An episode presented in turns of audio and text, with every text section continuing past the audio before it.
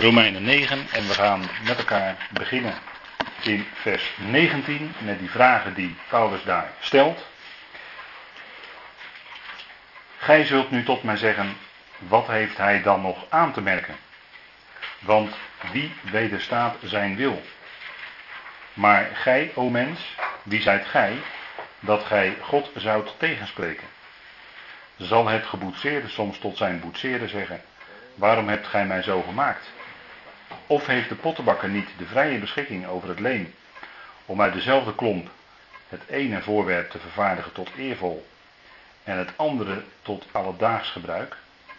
En als God nu zijn toren willende tonen en zijn kracht bekendmaken, de voorwerpen des torens die ten verderve toebereid waren, met veel langmoedigheid verdragen heeft, juist om de rijkdom van zijn heerlijkheid bekend te maken over de voorwerpen van ontferming die hij tot heerlijkheid heeft voorbereid. En dat zijn wij, die hij geroepen heeft, niet alleen uit de Joden, maar ook uit de heidenen.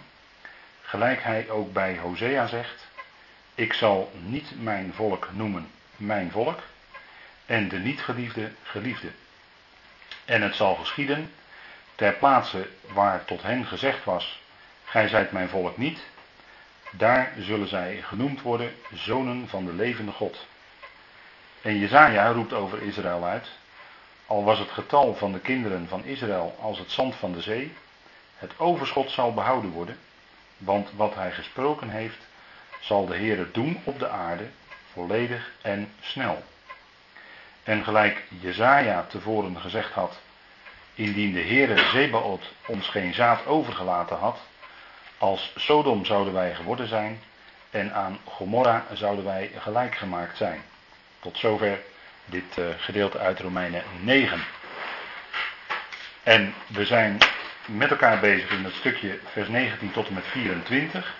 En we hebben de vorige keer met elkaar nagedacht over de situatie die uh, Paulus naar voren haalt van de farao en het volk Israël wat uh, uitgeleid werd uit Egypte.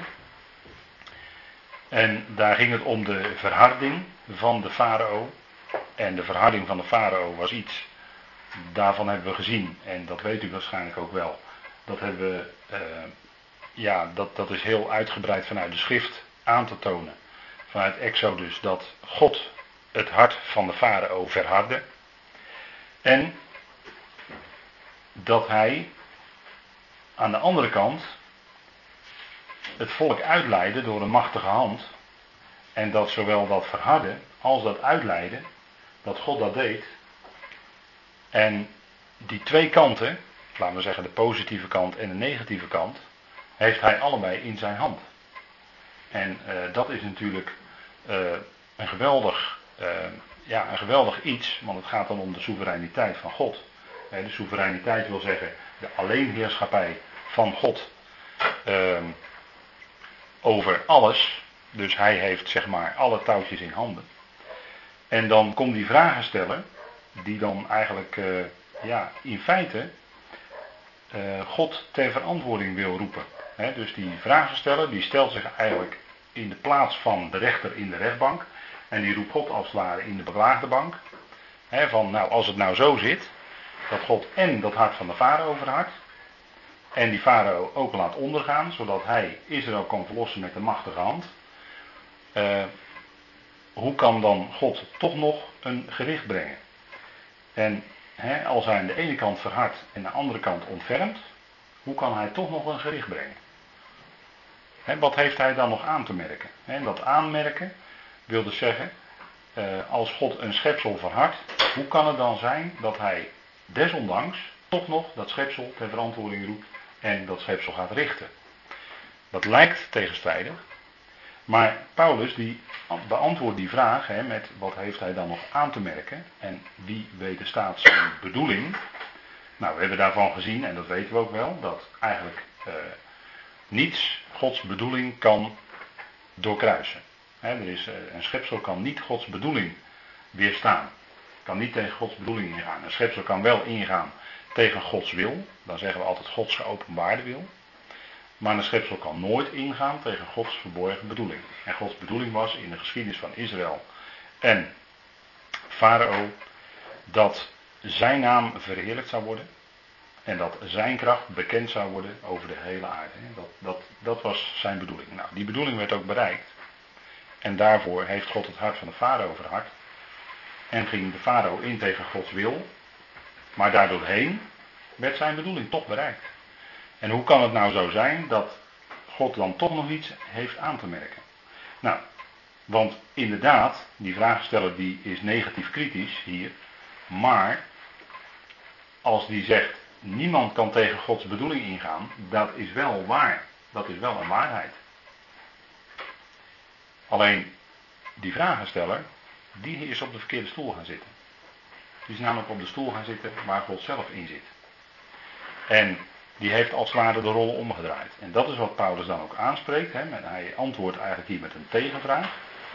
Maar gij, o mens, wie zijt gij dat gij God zoudt tegenspreken? Hè? Vers 20. Dus het is hier de mens tegenover God. Oftewel, God tegenover de mens. En dat wil zeggen, daarmee maakt Paulus duidelijk dat die mens op de verkeerde plaats, zich op de verkeerde plaats stelt. Want God is God en de mens is mens. Dat wil zeggen, God is de schepper en de mens is het schepsel. Dus daarmee maakt Paulus duidelijk, jij als mens met jouw beperkte verstand, je kunt deze vragen wel stellen, maar je kunt niet uh, eigenlijk God als het ware voor jou neerzetten en God als het ware uh, rekenschap laten afleggen dat hij het zo doet. Want God is God en de mens is de mens. En dat maakt Paulus ook verder duidelijk uit het vervolg wat hij zegt. Zal het geboetseerde, en dan gaat hij direct citeren uit de Tenach. Zal het geboetseerde soms tot zijn boetseerder zeggen: Waarom hebt gij mij zo gemaakt? Dus de boetseerder is de schepper. En het geboetseerde is natuurlijk het schepsel. En dan uh, neemt Paulus dus het beeld van de pottenbakker uit de tenag. En die pottenbakker, daarvan zegt hij, die heeft de vrije beschikking over het leem om uit dezelfde klomp het ene voorwerp te vervaardigen tot eervol en het andere tot alledaags gebruik. Nou, de schepsel, schepsel is het leem en God is de pottenbakker. En het zijn zijn handen die de diverse instrumenten maakt of formeert. Hè, want in feite is boetseren en pottenbakken in het Hebreeuws hetzelfde woord, hè, yatsar. Nou, hier zien we in feite God als de grote pottenbakker. En die heeft de vrije beschikking over dat leem. En dat beeld van de pottenbakker, dat vinden we meerdere keren terug in de Tenach. In, bijvoorbeeld in Jezaja, daar gaan we even naar kijken. Jezaja 26. En dat is natuurlijk een prachtig beeld. En ik weet niet of u, in, uh, of u wel eens een pottenbakker echt live aan het werk heeft gezien. Ik alleen maar op televisie eigenlijk. En dan zie je dus die handen van die pottenbakker gaan. En die maken dus iets wat die pottenbakker in gedachten heeft. En dat is dan het resultaat. En dat zou toch heel raar zijn als die, laten we zeggen, die kannen en die kruiken en die potten ineens tegen die pottenbakker zouden protesteren van ja, je hebt mij wel zo gemaakt, maar uh, die oortjes die ik heb, die bevallen mij niet, die wil ik anders hebben. Of uh, die bodem uh, die, die in mijn pot zit, die is eigenlijk te dik, die wil ik dunner hebben. Nou, ik noem het een rare dwarsstraat. Hè. Maar zoiets hè, is dit eigenlijk. Hè. Die mens die roept als vader God ter verantwoording. Die mens is het maaksel, God is de maker. En dan gaat, die, gaat het maaksel tegen de maker eigenlijk tegenspreken. En dat is wat Paulus hier duidelijk maakt. Nou, in Jezaja 26 vinden we dat beeld dus terug. Hè?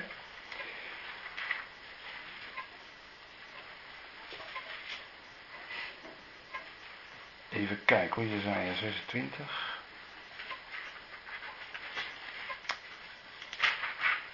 Een andere zijn.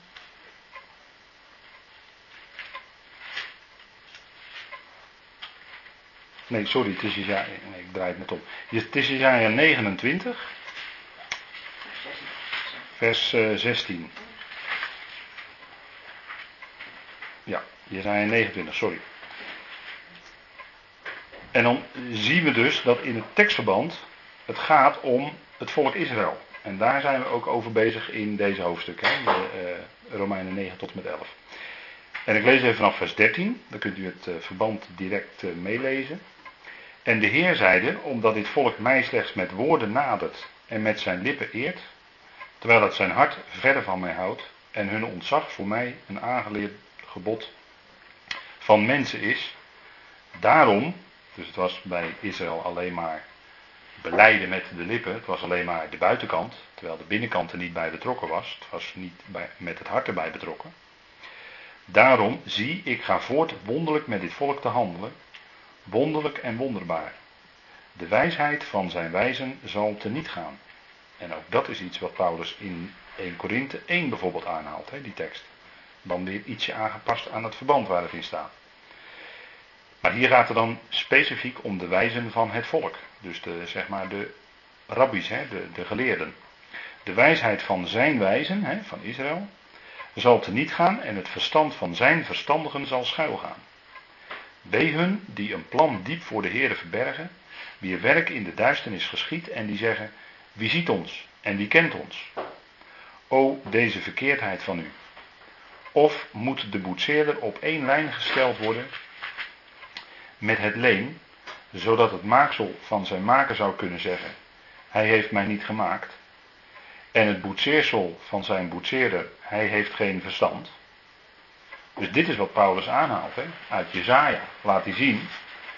Kijk, en dat is ook die vragen stellen, dat was waarschijnlijk een orthodoxe, erg orthodoxe Jood. Die uh, Paulus met die vragen uh, als het ware onderuit wilde halen en, en uh, het onlogisch ervan wilde laten zien. Maar Paulus antwoordt gewoon met de tenag. Hij antwoordt hier vanuit de profeten. En hij laat zien, kijk, die boetseerder, dat is natuurlijk God. En die heeft het volk Israël geformeerd zoals het is. want we hebben gelezen vers 13, omdat dit volk mij slechts met woorden nadert. Het is alleen maar buitenkant bij het volk. En daar wijst God aan de hand van de profeet doorheen. Daar prikt hij doorheen. Hij prikt naar het hart en laat zien hoe het zit. En dat volk, dat, het gaat niet aan, ook al, zijn het misschien, ook al zijn er misschien wijzen en verstandigen onder dat volk, althans ze gaan ervoor door. Maar God laat zien door de profeet. Maar dat maaksel, dat is het volk. En de maker, dat is Yahweh. Dat is jullie God. Die is jullie maker. Die heeft jullie zo gemaakt. Eenzelfde uh iets vinden wij ook in Isaiah 45. Want we kunnen dat nog wel even aanvullen met dat beeld van die pottenbakker. Datzelfde beeld, want de boet, het is hier in wat we net lazen, is vertaald met boetseren. Maar het is gewoon het Hebreeuwse woord yatsar. En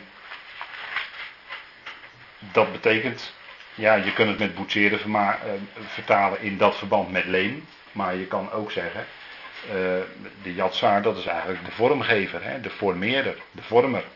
Dat is eigenlijk het woord wat het beste bij past. Nou, Jezaja 45 vinden we ook dat beeld terug. En een soortgelijke vraag wordt aangesteld door Jezaja in vers 9.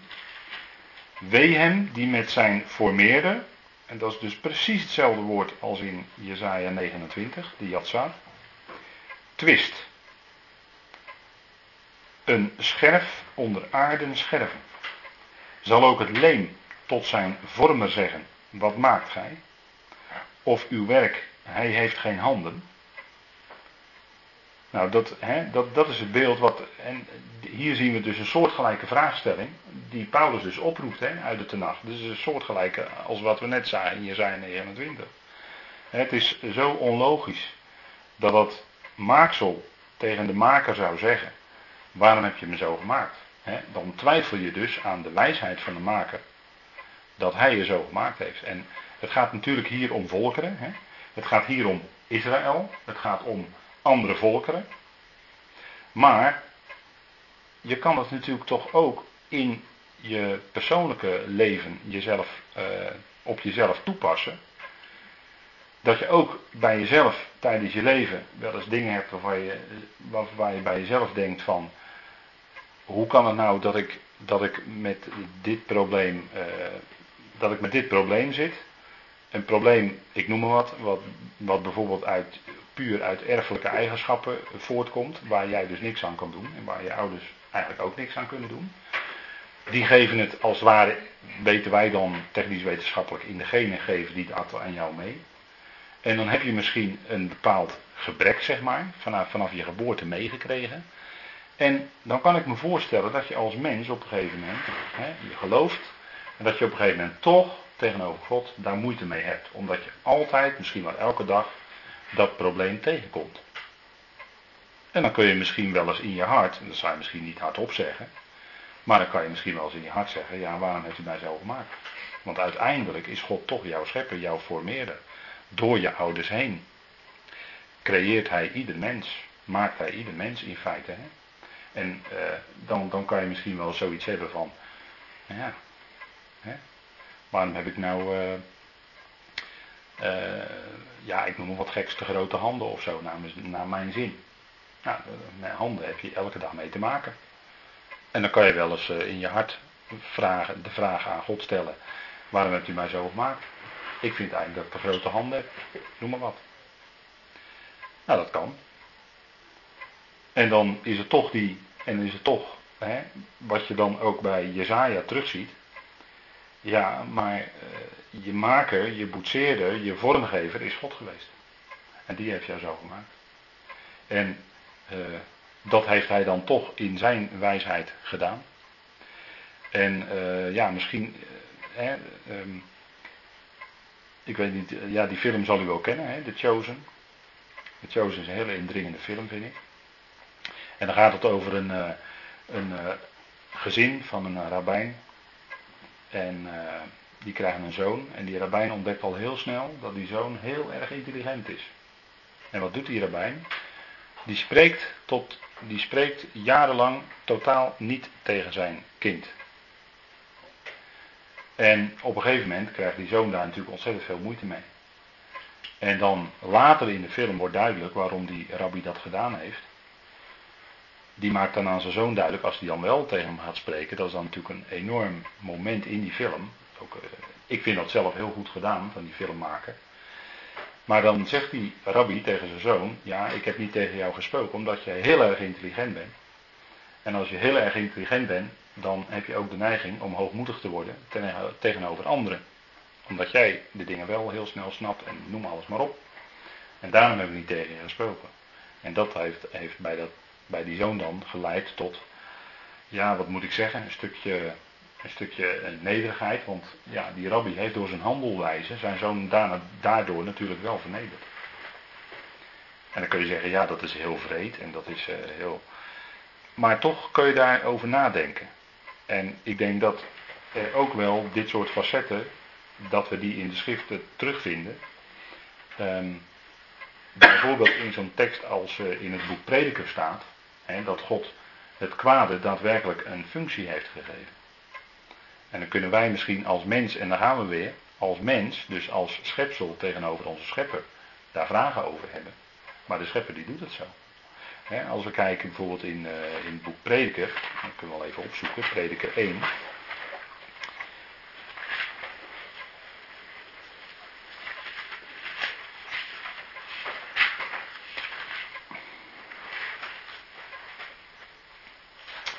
En dan het uh, dertiende vers. En ik, we lezen eerst even de NBG-vertaling, maar ja, die is helaas uh, niet helemaal naar de tekst. Dus ik zal dadelijk even proberen te verduidelijken wat er staat. Ik lees dan even vanaf vers 12. Ik, prediker, was koning over Israël te Jeruzalem en ik zette mijn hart erop om na te vorsen en onderzoek te doen naar de wijsheid in alles wat onder de hemel geschiet. Het is een kwade bezigheid die God aan de mensen, kinderen gegeven heeft, om zich daarmee te kwellen. En uh, op zich kun je ook de dingen van het leven wel eens als een kwelling ervaren. Of uh, de dingen die je doet als najagen van wind. Maar eigenlijk staat er in dit vers. Uh, dit is een kwade bezigheid. Dan staat er eigenlijk. Het is de ervaring van het kwaad. Die God aan de mensenkinderen gegeven heeft. Om hen daarmee te verootmoedigen. En daarin zien we dus prediker een stukje antwoord geven op de functie van het kwaad in de schepping. En God is de schepper van het kwaad. Dus hij bedoelt dat kwaad in zijn schepping, ten opzichte van zijn schepselen, om ze daarmee te verootmoedigen. Kijk, de mens is natuurlijk in deze tijd technisch heel knap. We vinden dat we heel veel kunnen. En we denken ook dat we heel veel kunnen. Maar misschien zou het kunnen zijn dat er vroegere generaties zijn geweest. Beschavingen zijn geweest die op een gegeven moment volledig zijn verwoest. Waarin mensen net zo knap waren. En waarin mensen ook tot een heel hoog technisch niveau waren gekomen. Alleen dat is allemaal dan verloren gegaan. En als je dan kijkt, als er soms dingen gebeuren, hè, dan denk ik aan de, wat er dan ook gebeurd is, want daarover is men natuurlijk niet eens, maar uh, dat de mens, als er een ongeluk gebeurt met een booreiland in uh, de Golf van Mexico, dan heeft dat een enorme gevolgen. Dat, dat kan wereldwijd een enorme gevolg krijgen. Hè, al die olie die daar elke dag uitstroomt. En dan zie je eigenlijk dat de mens, ondanks al zijn techniek, ondanks al zijn know-how, als er dan een calamiteit gebeurt, het toch niet in de hand kan hebben en het toch niet kan stoppen. Denk aan de vulkaanuitbarsting op IJsland. Ineens moest het vliegverkeer voor een deel van de wereld worden stilgelegd. En dan zijn we dus niet in staat, met al onze knapheid, al onze kennis en noem alles maar op, zijn we niet in staat om daar iets tegen te kunnen doen. En dat zijn voorbeelden, denk ik, waarin God dan misschien voor ons dan als gelovigen rechtstreeks even laat merken van ik zet even een vulkaan in werking, om het maar even zo te zeggen. En jullie als mensen zijn er eigenlijk, kunnen daar eigenlijk niet tegenop. Hè? Jullie zijn daar niet tegen bestand. Nou, zo is het ook in het persoonlijke leven. Hè? Bij ons mensen, eh, dat zie je ook wel eens gebeuren in mensenlevens, gewoon in de wereld hoor, dan denk ik helemaal niet aan geloven of zo, gewoon in de wereld. Mensen die dan alles voor elkaar kunnen krijgen, en, eh, noem maar op. Alles voor de wind gaat en, en, en ineens gebeurt er dan iets. Eh, ja, ik noem maar wat een ongeluk of zo. En dan wordt zo'n leven ineens totaal op de kop gezet. En dan denk ik toch daarbij van, dat is toch iets waar God even laat merken. die mens die kan menen dat hij alles maar kan en dat, alles maar, dat hij alles maar goed kan en eh, voor elkaar kan krijgen. En dan laat God merken, ja, nu gaat het anders. Nu gaat het anders. Hè. Het is de ervaring van het kwaad. Anders zou die mens, en dat zit, zat ook wel een beetje in Israël, zonder dat ik nou heel erg negatief over Israël wil doen.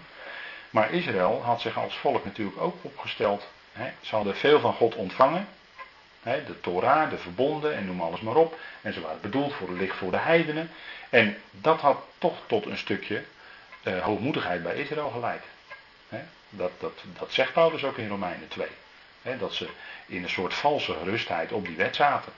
En, eh, en, ze, en ze keken neer op de Goyim, hè, op de heidenen, want die hebben de wet niet. Hè, die, dat, zien, die, die, beschouwen ze ook als honden, zeg maar. Niet, niet alle Israëli's hoor, van vandaag, maar een bepaalde groep wel. En dat is nog steeds zo. En daaruit spreekt toch een stukje hoogmoedigheid. Hè, en, en dat is ook wat, uh, wat prediker hier dan eigenlijk duidelijk maakt. Hè, dat God dan aan die mens de ervaring van het kwaad geeft om hem daarmee te verootmoedigen. En ik denk dat het toch een, een, een belangrijk punt is. En dat is toch een antwoord ook op de functie van het kwaad. Daarom heeft God, dat is een van de functies van het kwaad. Daarom onder andere eh, brengt God dat kwaad in zijn schepping. En doet hij dat ook gebeuren. Nou, dat is ook wat met Israël eh, aan de hand is. Hè? Ehm, want ik denk dat Jezaja niet voor niks die dingen tegen het volk zegt. En dat het volk uh, misschien ook wel eens die vragen zo stelde aan God van uh, ja, waarom, uh, waarom heeft u ons zo gemaakt? Of waarom zijn we in deze omstandigheden terechtgekomen? Het volk ging natuurlijk in ballingschap. En juist in de ballingschap kwam dat volk tot het besef. Ballingschap is natuurlijk ook een stuk kwaad. Want het volk werd natuurlijk weggevoerd en ballingschap is toch ook gevangenschap. Dus dat is toch een moeilijke situatie. Je wordt in je bewegingsvrijheid heel erg beperkt. Dat is ook een vorm van kwaad in feite, van lijden. En, maar eh, vaak, het is gebleken ook dat het volk juist in de ballingschap naar God ging zoeken. God ging aanroepen en weer opnieuw die Torahrollen ging bestuderen. En, en noem alles maar op. Dat gebeurde juist door die ballingschap. Nou, een schepsel kan vragen stellen aan God. Alleen hier in Romeinen 9, dan gaan we even terug naar Romeinen 9. Geeft, Paulus met een tegenvraag antwoord aan die vragensteller. En hier is die vragensteller dus bezig hè, op een negatief kritische manier. En vandaar dat Paulus ook zegt, maar jij, o mens. Terwijl hij bij andere vragen eerder in de brief gewerkt heeft met het woordje wij. Wat zullen wij dan zeggen? Dan is hij op een bepaald punt in zijn redenering hè, tot een bepaald hoogtepunt gekomen. Wat zullen wij dan zeggen? Zullen wij daaruit deze conclusie trekken? Nee, dat zijn verre, zegt hij dan. Maar hier zegt hij, jij o mens. Dus hier neemt hij als het ware afstand van die mens die die vraag stelt. Hij heeft het niet langer over wij, maar over jij. Maar jij, o mens.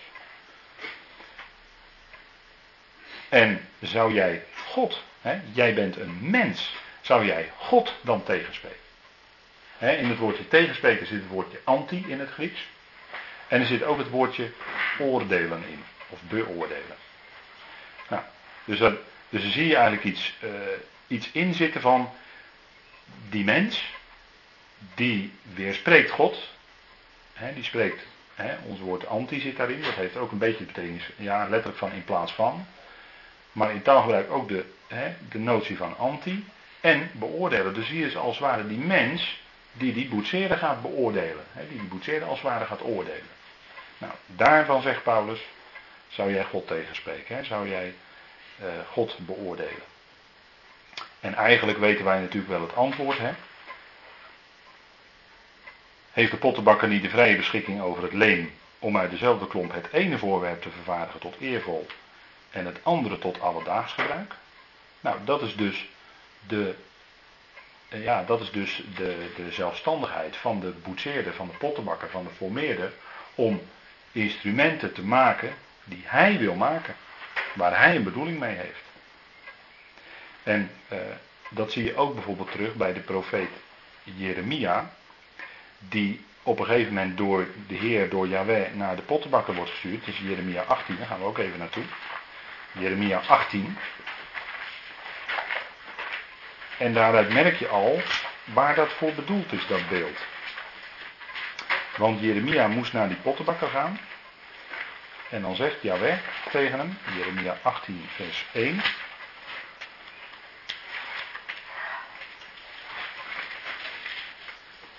Het woord dat van de Heere tot Jeremia kwam, Jeremia 18, vers 1.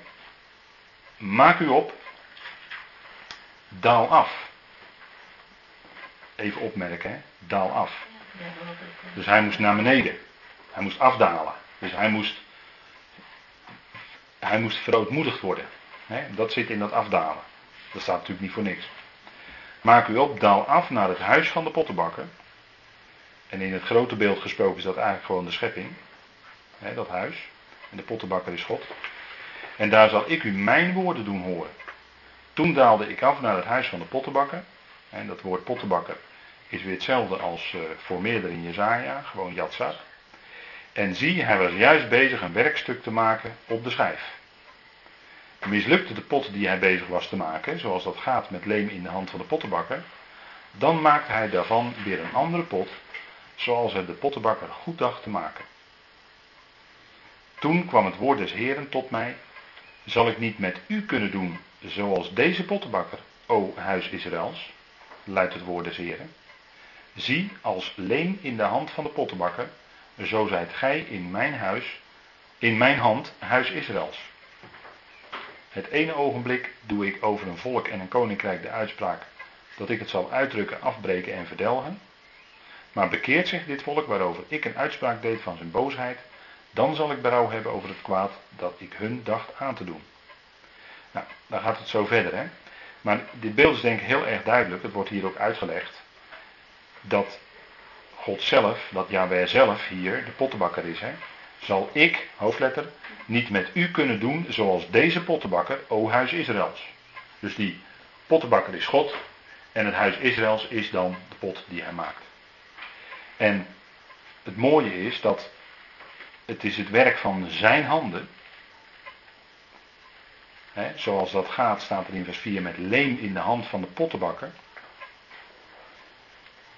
En als dat hè, mislukte de pot, dat wil niet zeggen dat uh, de pottenbakker daarmee uh, zondigt of zo. Helemaal niet. Maar het is gewoon een beeld van Israël wat hij gemaakt heeft. En Israël uh, functioneerde niet zoals het door God bedoeld was. Maar dan maakt God daarvan weer een andere pot. Het punt is hier ook mooi om op te merken dat hij het leem niet weggooit. Hij gooit niks weg. Het blijft allemaal op die schijf. Dus er gaat niks verloren bij God. Dat is ook even een notitie daarbij. Hè? Merk dat op. Het is hetzelfde leem. En hij brengt dat leem weer terug tot die klomp. En hij maakt uit datzelfde, maakt hij een andere. En dat is wat hij ook met het volk Israël doet. En het is dus niet zo dat hij dan iets verloren laat gaan, ten liefste. Nee, hij maakt iets anders. En hij zal dat volk nieuw scheppen onder het nieuwe verbond. Het is natuurlijk ook een hele kwestie van het oude verbond en het nieuwe verbond. En onder het nieuwe verbond komt Israël tot zijn doel. En zijn zij een vat of een instrument tot eer van hem. Nou, als uh, de Heer dan, hè, wat, wat hij, waarover hij een uitspraak gedaan heeft, uh, dan gaat hij uitdrukken, afbreken en verdelgen. Maar dat wil nog niet zeggen, want dat leest men er dan al heel gauw in. Ja, weet je wel, uitdrukken, verdelgen, dat uh, gaat voor eeuwig verloren. Gedachten van mensen. Nee, zo is het natuurlijk niet.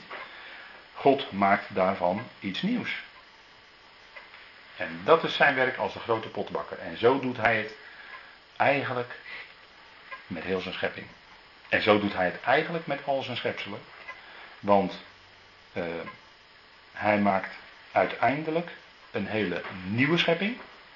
Waar al die mensen, die vroeger oude mensen waren, die hoorden bij de oude schepping. Waar al die oude mensen vernieuwd als een nieuwe schepping op zullen terugkomen. En dat is het geweldige natuurlijk wat God doet als de grote pottenbakker. Dus hij doet dat oude weg, maar hij maakt uit hetzelfde iets nieuws. Hij vormt het om. En dat is ook bij God. Hè? Bij God gaat nooit iets verloren. Maar hij vormt het om. Nou, daar zit natuurlijk geweldig veel in. En dat is ook de achtergrond.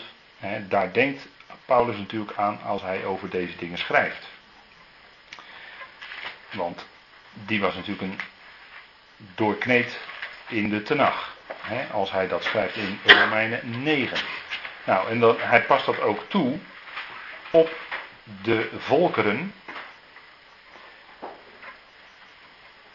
En daar geeft Paulus dan nog een verdere verdieping aan, want je hebt Paulus altijd nodig om de volle diepte van die uitspraken uit de tenag te kunnen zien. Paulus geeft daar nog verdere uh, notities bij. Want hij zegt in vers 22. En als God nu zijn toren willende tonen en zijn kracht bekendmaken, de voorwerpen des torens die ten verderve toebereid waren, met veel geduld verdragen heeft. Eigenlijk staat er gedragen heeft. Niet verdragen, dat zou je nog een klein beetje negatief kunnen opvatten. Maar heeft hij zelfs gedragen. God heeft alles gemaakt tot zijn doel, zegt Spreuken. Zelfs de goddeloze voor de dag van het gericht. Ik weet niet uit in welke tekst dat is, maar het is een tekst uit Spreuken. En dat maakt Paulus hier ook duidelijk. Er zijn instrumenten nodig, er zijn vaten nodig die God gemaakt heeft als een grote pottenbakker. En die moeten een bepaalde functie vervullen in zijn plan. Die, die moeten een bepaalde ja, rol spelen is misschien weer wat anders gezegd, maar die hebben een bepaalde functie. En dat zijn voorwerpen des torens. En die zijn door God dus, let wel hè, door God zijn ze zo gemaakt om voorwerp te zijn van toren. Dat is Gods werk. En, dat hij, en daar kunnen wij misschien wel allerlei vraagtekens bij, zetten of allerlei vragen bij hebben. Maar uiteindelijk gaat het hier om de soevereiniteit van God. Hè? God maakt die voorwerpen zowel tot eer als tot oneer. En hier gaat het om voorwerpen van toren, dus tot oneer. Maar ook die draagt hij, zegt Paulus, met veel geduld. Met veel geduld. En dat is eigenlijk een. En daarin is God, daar, daarin zegt Paulus hier iets, natuurlijk iets geweldigs over God. Dat hij die voorwerpen van toren zelf draagt met veel geduld. En dan kunnen wij zeggen, en we kijken vandaag de dag om ons heen. En wij zien dan, eh, laten we zeggen, de oneerbiedigheid en de goddeloosheid van de mensen steeds maar toenemen. Het wordt steeds erger en mensen gaan steeds erger en steeds verder in hun opstand tegen God enzovoort. En dat gaat heel ver en dat gaat heel diep en het, wordt heel zwart. En het is vandaag de dag al. Maar hoeft niet alles te weten. Maar toch is het dan God die met veel geduld dat draagt. Want dat moet allemaal bijdragen totdat het tot die grote ja, toppunt, culminering komt als de wetteloze op het toneel komt. En zo, zo erg moet het gewoon worden. En dat is ook, dat is ook Gods zaak. Die wetteloze is bijvoorbeeld ook een instrument tot toren. En die zal ook teniet gedaan worden als de Heer Jezus zelf komt, als het woord. En hem teniet zal doen door zijn geest. Hè, door wat hij zegt, zal hij bij wijze van met één woord die wetteloze kunnen uitschakelen. Nou, dat zal hij ook doen. Maar tot zo lang zal God dat allemaal dragen. En dat is om zijn kracht bekend te maken. Het zal tot een enorm hoogtepunt komen. Maar bij de verwoesting van Babel zal de hele wereld zien dat, hoe groot Gods kracht is. En zal zijn naam verheerlijkt worden. En dat doet hij natuurlijk ook door zijn eigen zoon te sturen. Die dan hier met Israël te beginnen orde op zaken zal stellen. Nou, dat zal een betoning zijn van Gods kracht. Nou, eh, even wat stof om over na te denken bij de koffie. Het pauze.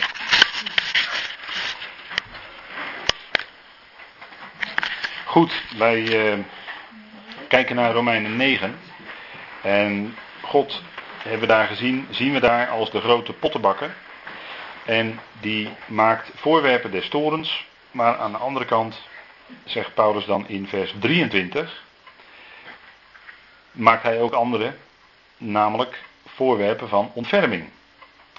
En daarbij zegt hij, juist om de rijkdom, vers 23, zijn de heerlijkheid bekend te maken over de voorwerpen van ontferming, die hij tot heerlijkheid heeft voorbereid. En daarbij zegt hij dan, en dat zijn wij, die hij geroepen heeft, niet alleen uit de Joden, maar ook uit de heidenen. Dus daarmee zegt hij, zowel uit Joden als uit heidenen, en dan prikt hij even weer door naar de gelovigen van nu, die God roept. En dat zijn de voorwerpen in deze tijd van ontferming. En dat is dan ook uh, wat je ziet in uh, eigenlijk de hele schepping. Daarin zie je eigenlijk die tweeheid. Hè. Aan de ene kant heb je, ook als we kijken bijvoorbeeld naar de geestelijke machten, heb je zeg maar vijandige geestelijke machten. En je hebt geestelijke machten die God dienen. Hè. Dus boodschappers die God dienen. En je hebt machten die tegen hem staan. Nou, dat zou je ook kunnen opvatten als dat dat uh, voorwerpen des, of vaten des torens zijn, ten verderve toebereid. En aan de andere kant, de hemelse machten die God dienen, dat zijn de voorwerpen van ontferming. En die heeft hij tot heerlijkheid voorbereid. Maar dit is allemaal, moeten we ons wel realiseren, op weg naar het einddoel toe. Dit is wat God doet tijdens zijn plan van tijdperken. En daarin zet hij in vaten des torens en vaten van ontferming. Instrumenten. En die zet hij in zoals hij dat wil, op zijn tijd. En die maakt hij ook zoals hij dat bedoeld heeft. dat zien we ook bijvoorbeeld in het boek Job, om maar iets te noemen. daarin zien we dat de tegenwerker zelfs, de tegenstander, een bepaalde ruimte krijgt van God, om het zo maar te zeggen. Om Job allerlei dingen aan te doen, zelfs zijn gezondheid van hem af te nemen. En ehm, daarin, uh, ja, dat, daarin laat God eigenlijk dat instrument, dat werk doen. Tot op zekere hoogte, want hij mocht het leven van Job niet afnemen. Hè, dus hij mocht tot zover gaan en niet verder. Hè. Dus hij kreeg een ruimte van God, maar dat is toch beperkt. En dat heeft dan een bepaalde functie in Gods plan. En Job was een gelovige. Dus dat had een functie in het leven van die gelovige Job. En dan zie je dus dat mensen, als je kijkt naar de vrienden van Job, en dan komen we bij een stukje menselijk denken, menselijke filosofie. Die vrienden van Job, die hadden allemaal een bepaald antwoord. Waarom Job nou dat allemaal overkwam. En dan zie je dus allemaal menselijke antwoorden. En uiteindelijk geeft God dan aan het eind van het boek, gaat God spreken. En dan zegt hij tegen Job, nou waar was je nou Job? Toen ik eh, de hemel en de aarde schiep. Toen de morgensterren juichten. Waar was jij? En daarmee zien we eigenlijk hetzelfde weer. Hè? Die grote God, die tot die mens spreekt. En dan uh, blijkt uiteindelijk toch Job zijn geloof niet te zijn kwijtgeraakt. Door al het lijden en door alle beproevingen heen. En aan het eind van de rit, om het zo maar even te zeggen, ontving Job een dubbele zegen. In materiële zin, hè, want die lezen aan het eind wat hij allemaal nog ontving van God dan. Maar in feite is het diepste geheimenis van het boek Job dat hij door dat alles heen, door die diepe weg die God hem deed gaan, want zo is het wel, door dat alles heen leerde hij God wel beter kennen. Want hij zegt, ik had van horen zeggen van u vernomen, maar nu heeft mijn oog u gezien. En hij zegt ook, ik weet dat mijn verlosser leeft. Dus aan het eind van het boek, dan zie je toch dat Job bepaalde dingen zegt, waaruit blijkt dat hij door die diepe weg die hij is gegaan, God beter heeft leren kennen. En dat is ook een functie van het kwaad. En dan hebben we nog een stapje gezet, hè, om te bekijken wat is nou de functie van het kwaad en het lijden in Gods plan. En ik denk dat dat hè, niet alleen wat we in prediker hebben gezien, want dat is, hè, dat is dus onder andere om een mens te verootmoedigen. Dat kan het zijn, eventueel. Maar het kan ook zijn dat je daardoorheen, en ik denk, en ik denk toch wel dat het vaak zo werkt, dat je daardoorheen God beter leert kennen. En want juist, uh, ga maar na in, in je leven, als je als gelovige een periode in je leven hebt waarin je het moeilijk hebt, op een of andere manier, dat kan, dat kan door allerlei omstandigheden zijn, maar juist in die periode dat je het heel moeilijk hebt, ben je als het ware veel bewuster dat je vader nodig hebt. En leef je ook veel dichter bij hem. Dat is je ervaring. God is altijd heel dicht bij je, sowieso, ongeacht de omstandigheden. Alleen wij ervaren als mens dat wel eens op een andere manier. Het ene moment lijkt het alsof God verder weg is. Is niet zo, maar dat is je ervaring. En juist in, in een situatie waarin je in nood bent, waarin je het moeilijk hebt, juist in die situatie, waar ben je dan toe geneigd? Meer te bidden, want je wil dicht bij vader zijn. Zijn woord erbij pakken, want je wil getroost worden door dat woord. En juist in zo'n fase ervaar je God juist als heel dichtbij. Zo werkt het vaak. Niet altijd. Daar wil ik ook, je hoort het ook wel eens anders, dat mensen juist als het heel moeilijk hebben zich afvragen, ja God, waar bent u nu? Dat hoor je ook. En dat zeggen gelovigen ook wel eens. Maar dat is hoe je dat op dat moment ervaart. Maar heel vaak zie je dat mensen juist door moeilijke dingen heen, ervaring van het kwaad, op welke manier dan ook, een periode in hun leven meemaken waarvan ze achteraf zeggen, ja, daar ben ik door verrijkt. Dat heeft mijn geloof verdiept, of hoe je dat ook zeggen wilt. Hoe mensen dat dan ook maar zeggen. Zo werkt het toch vaak uit. En ik denk dat dat uh, toch iets is waar, waarin we kunnen zien dat God met de dingen die hij doet, uh, altijd een bepaalde bedoeling heeft. En dat kun, je niet altijd, dat kun je niet altijd zomaar zonder meer tegen iedereen op alle momenten zeggen. Natuurlijk niet. Dan, daar kun je niet alles mee uh, dichtstrijken als het ware. Maar uiteindelijk zien we, als we ook kijken in zijn woord, zien we dat God door moeilijkheden heen met die mens meegaat. Hè, want in die moeilijkheden is juist God heel dicht nabij. En dan ervaar je dat ook als schepsel zijnde. Als gelovige. En hij gaat met je door die periode heen. En, en vaak is zo'n periode voor een mens, voor een gelovige mens, eh, blijkt vaak heel verrijkend te zijn. En, maar dat weet je nooit van tevoren. als, als iets zich aandient in je leven, weet je niet wat je allemaal mee gaat maken. Maar uh, gaandeweg wordt misschien iets duidelijk van wat God daarmee bedoelt. Nou, dat is ook iets wat. Hè, en ook in die omstandigheden mogen we er altijd van overtuigd zijn, ook al voelen we dat niet. Maar geloof is ook vaak niet voelen. Hè? Geloof is ook niet emotie. Geloof is datgene wat je Hè, door, je, door je geloof kun je kracht hebben in moeilijke omstandigheden en ervaren dat God je draagt. Nou, zo kan dat zich uitwerken. Nou, God die heeft instrumenten van toren en instrumenten van ontferming. En daar horen wij bij.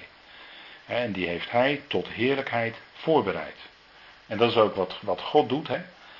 Door het lijden heen, kijk maar naar hoe het ging bij zijn eigen zoon. Hè? Door het lijden heen kwam hij tot heerlijkheid. Het was die weg, en dat is de weg die wij gaan, door lijden heen naar heerlijkheid. Die heerlijkheid die in de toekomst wacht, dat is absoluut zeker. Wij kijken uit naar de verlossing van ons lichaam, de vrijkoping van ons lichaam. En dan, als dat moment plaatsvindt, ontvangen wij ook die heerlijkheid. Daar kijken we naar uit. Maar tot dat moment, ja, is het de weg die God met ons gaat. Kan toch niet anders zeggen dan zo. Hij gaat met ons zijn weg. En die weg, nou, dat, is voor iedereen weer anders.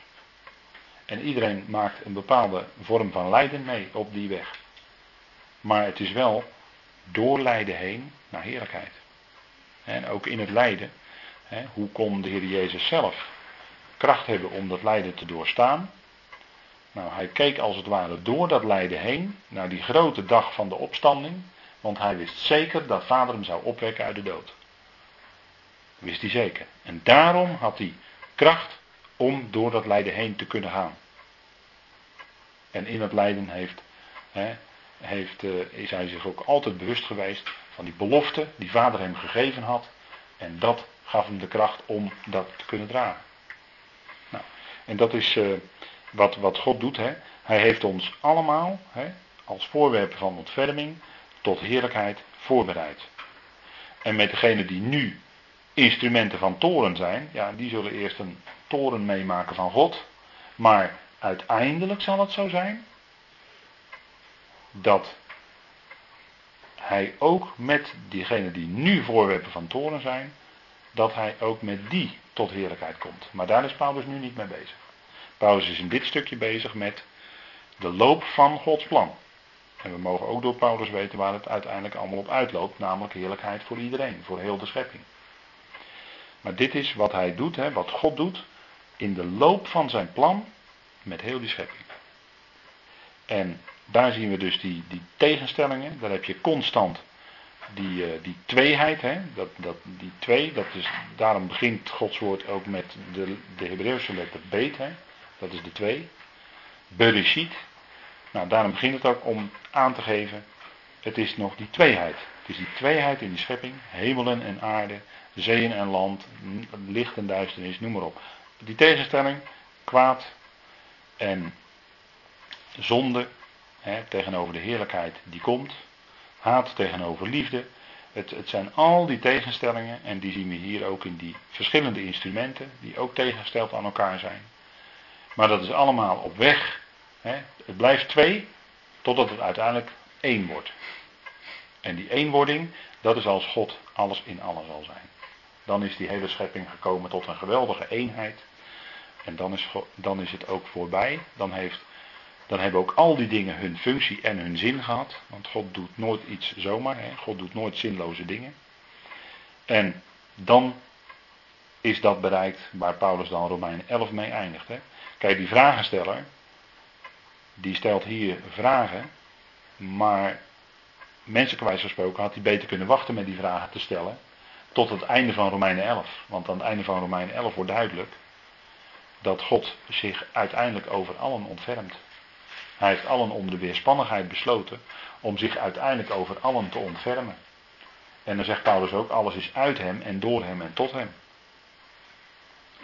En dan is ook aan hem de heerlijkheid. Dus daar loopt dat hele plan eigenlijk op uit. Hè? Dus je ziet eigenlijk dat hè, alles is uit hem, alles is ook door hem. Daar is Paulus nu mee bezig, hè? dat het allemaal door hem is. En het zal uiteindelijk ook tot hem zijn. Tot eer van hem. En tot eer dus ook van al die schepselen. Dus dat is ook vaak eh, met Paulus zo. De, de mens laat, laat de apostel vaak ook niet uitspreken. Maar valt hem bij wijze van spreken halverwege in de reden. Maar als je Paulus helemaal laat uitspreken en je volgt helemaal zijn betoog, dan kom je eruit. Maar dan moet je ook consequent zijn betoog volgen. En daar ook op een gegeven moment ja op kunnen zeggen, omdat het Gods woord is. Het is Gods woord wat hij spreekt door de apostel Paulus heen. Nou. En Paulus haalt dan weer zo'n tekst aan uit de Tenach. Hij zegt, niet alleen uit de Joden, maar ook uit de heidenen. Gelijk hij ook bij Hosea zegt, de profeet Hosea. Ik zal niet mijn volk noemen mijn volk. Bekende tekst hè. Lo Ami wordt Ami, wordt mijn volk. En Lo Rugama wordt de ontfermde. Rugama. En dat is eigenlijk heel merkwaardig dat Paulus dat doet.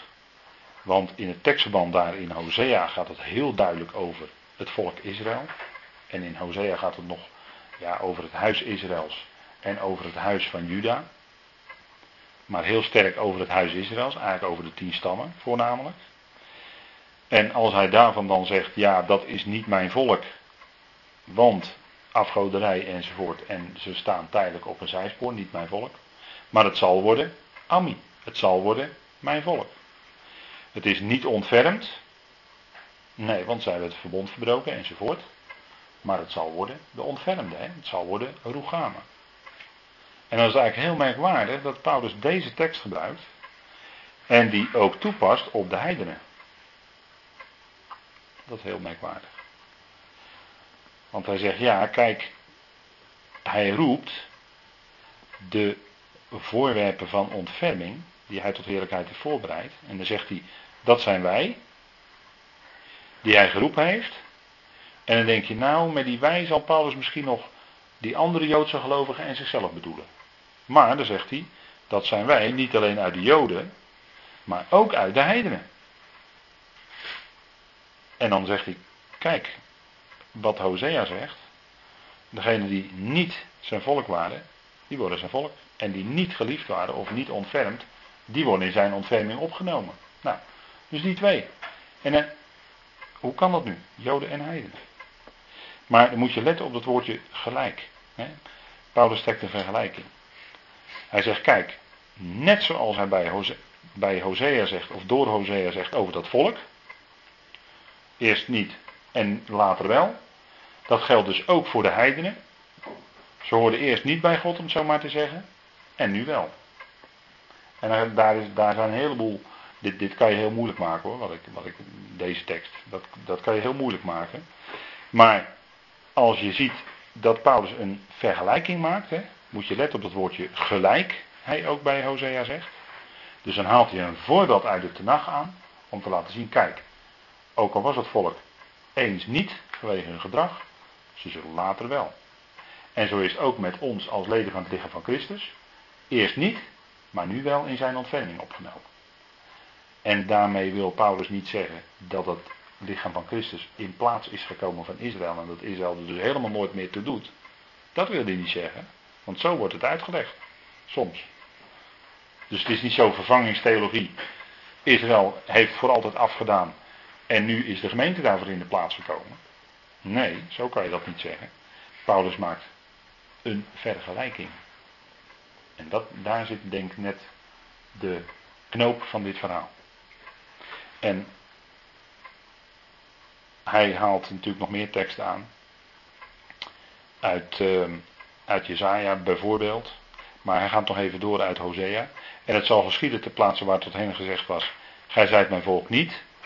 Daar zullen zij genoemd worden. Zonen van de levende God. Nou, dat is ook een tekst uit Hosea.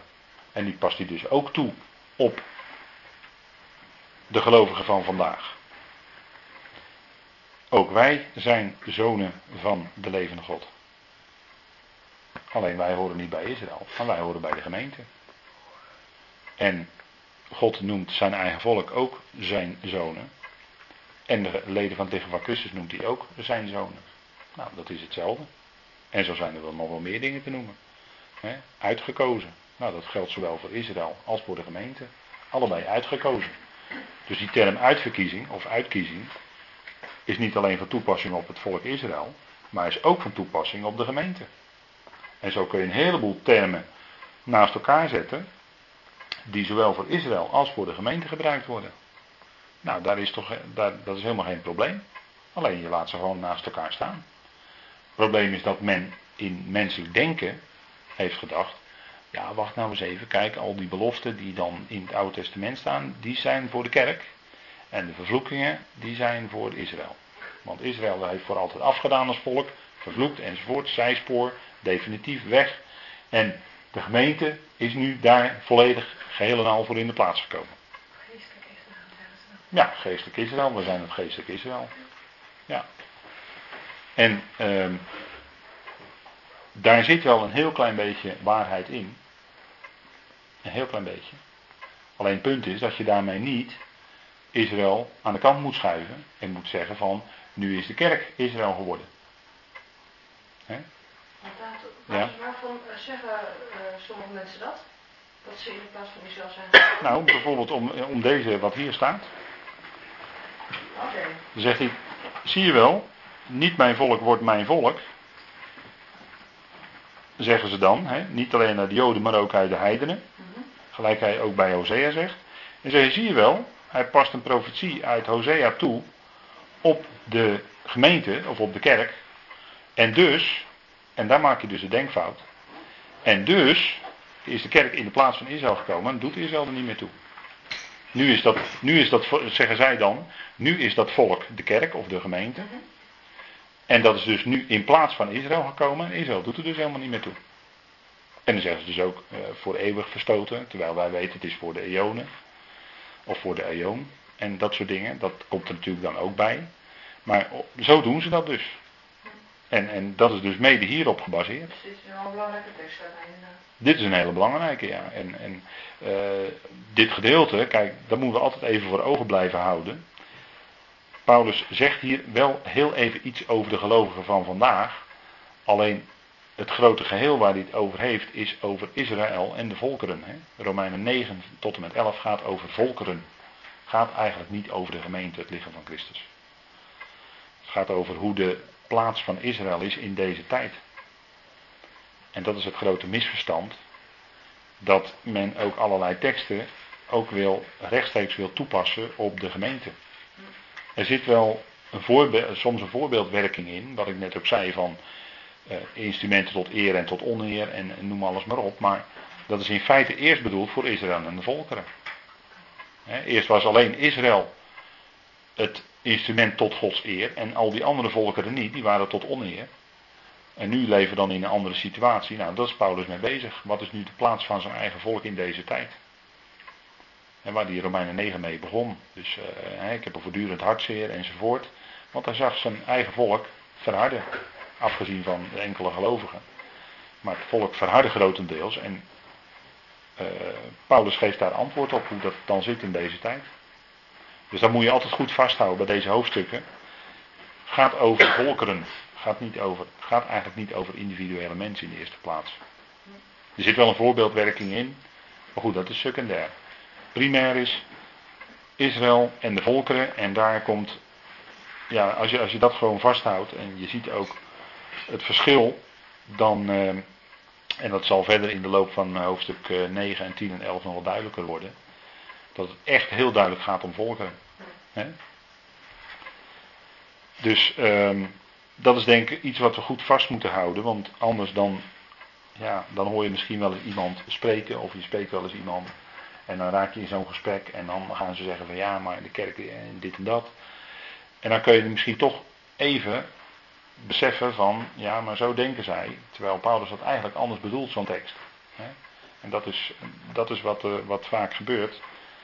Men uh, maakt dan de denkfout door, door niet te beseffen dat God ook nog een plan heeft met Israël zelf. die beloften, die blijven gewoon staan die hij aan het volk gedaan heeft. Die zijn on, onberouwelijk. Dat zegt Paulus ook later in Romeinen 11.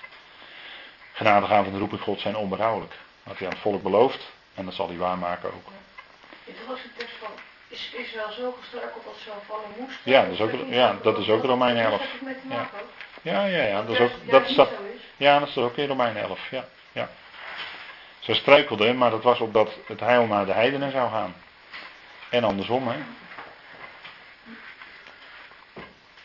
Maar dit, eh, dit zijn de meest, uh, om, ja, heel Romeinenbrief, maar dit zijn de meest omstreden hoofdstukken uit de Romeinenbrief. Lastig voor mensen om het uit te kunnen leggen, te begrijpen. Dus, uh, maar goed, we, we, gaan we komen daar nog verder op terug. Ik wil het voor vanavond hierbij laten. En dan gaan we volgende keer met elkaar weer verder kijken.